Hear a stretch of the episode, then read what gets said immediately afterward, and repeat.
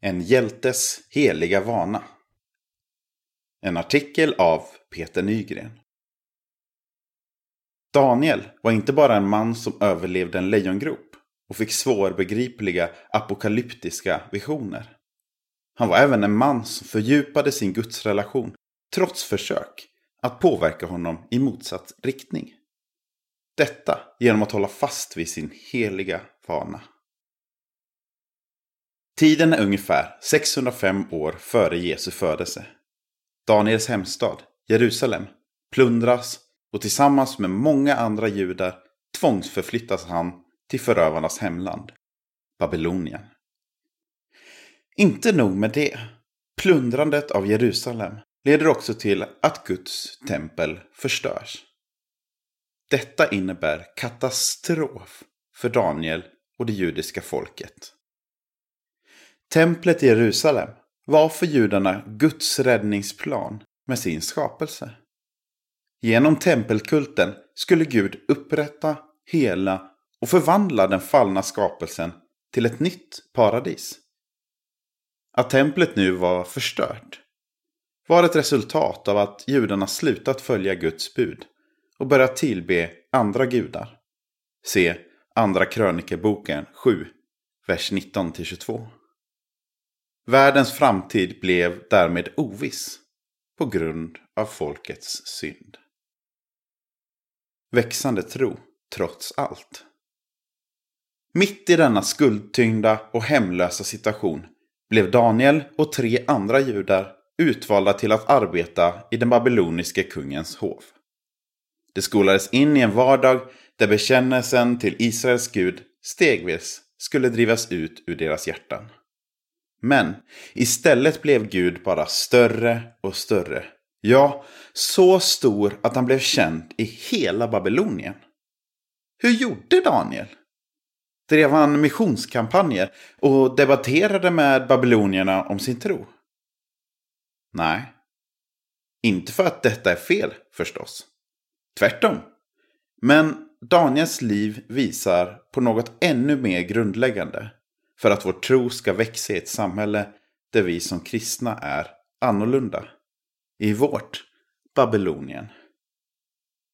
Rotad i hoppet om en ny framtid bevarades Gud helig i Daniels hjärta. Mitt i babylonisk gudlöshet fanns ett heligt rum mellan Daniel och Gud. Ett rum där himmel och jord möttes. En helig vana, helt enkelt. Hopp i hopplösheten. Vi får inte glömma att Daniel befann sig i en till synes hopplös situation. Jerusalem var plundrat. Guds tempel var förstört. Han arbetade i en gudsfrånvänd kultur. Samtidigt visste han att det är Herrens nåd att det inte är ute med oss. Att det inte är slut med hans barmhärtighet. Den är ny varje morgon.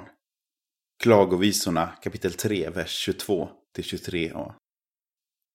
I hoppet om att en dag återvända till Jerusalem och tillbe Gud i hans tempel gick Daniel till en speciell plats i sitt hem där han bad och tackade Gud i riktning mot Jerusalem på sina knä tre gånger om dagen precis som han tidigare brukat göra.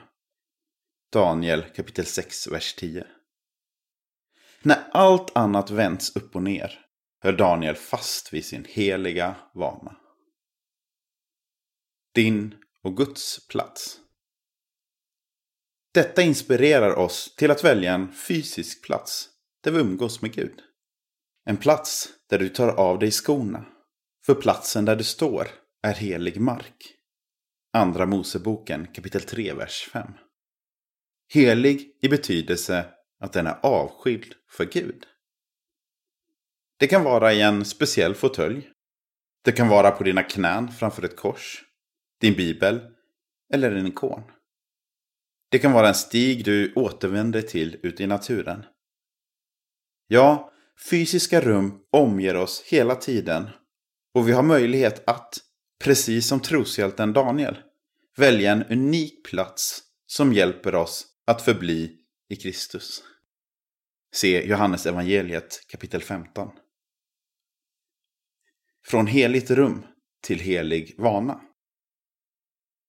Sakta blir den utvalda platsen något som gör det mer naturligt för oss att vara inför Gud än att inte vara inför Gud. Om vi återkommande rör oss dit, precis som Daniel, så kommer den fysiska platsen med tiden sjunka in i våra hjärtan och så skapa ett heligt rum inom oss. Ett fördolt rum där ett ständigt samtal pågår mellan dig och Gud. För att vår relation med Gud inte ska bli en ö, separerad från världen, så är den heliga platsen avgörande. Liksom den var för Daniel. Den heliga vanan börjar i det fördolda rummet. Precis som Jesus säger. När du ber, gå in i din kammare och stäng din dörr och be till din far som är i det fördolda. Då ska din far som ser i det fördolda belöna dig. Matteus evangeliet kapitel 6, vers 6. Med tiden blir bönen en surdeg genom vilken Gud genomsyrar Babylonien med sitt rike och sin kraft. Se Lukas evangeliet kapitel 13, vers 20-21.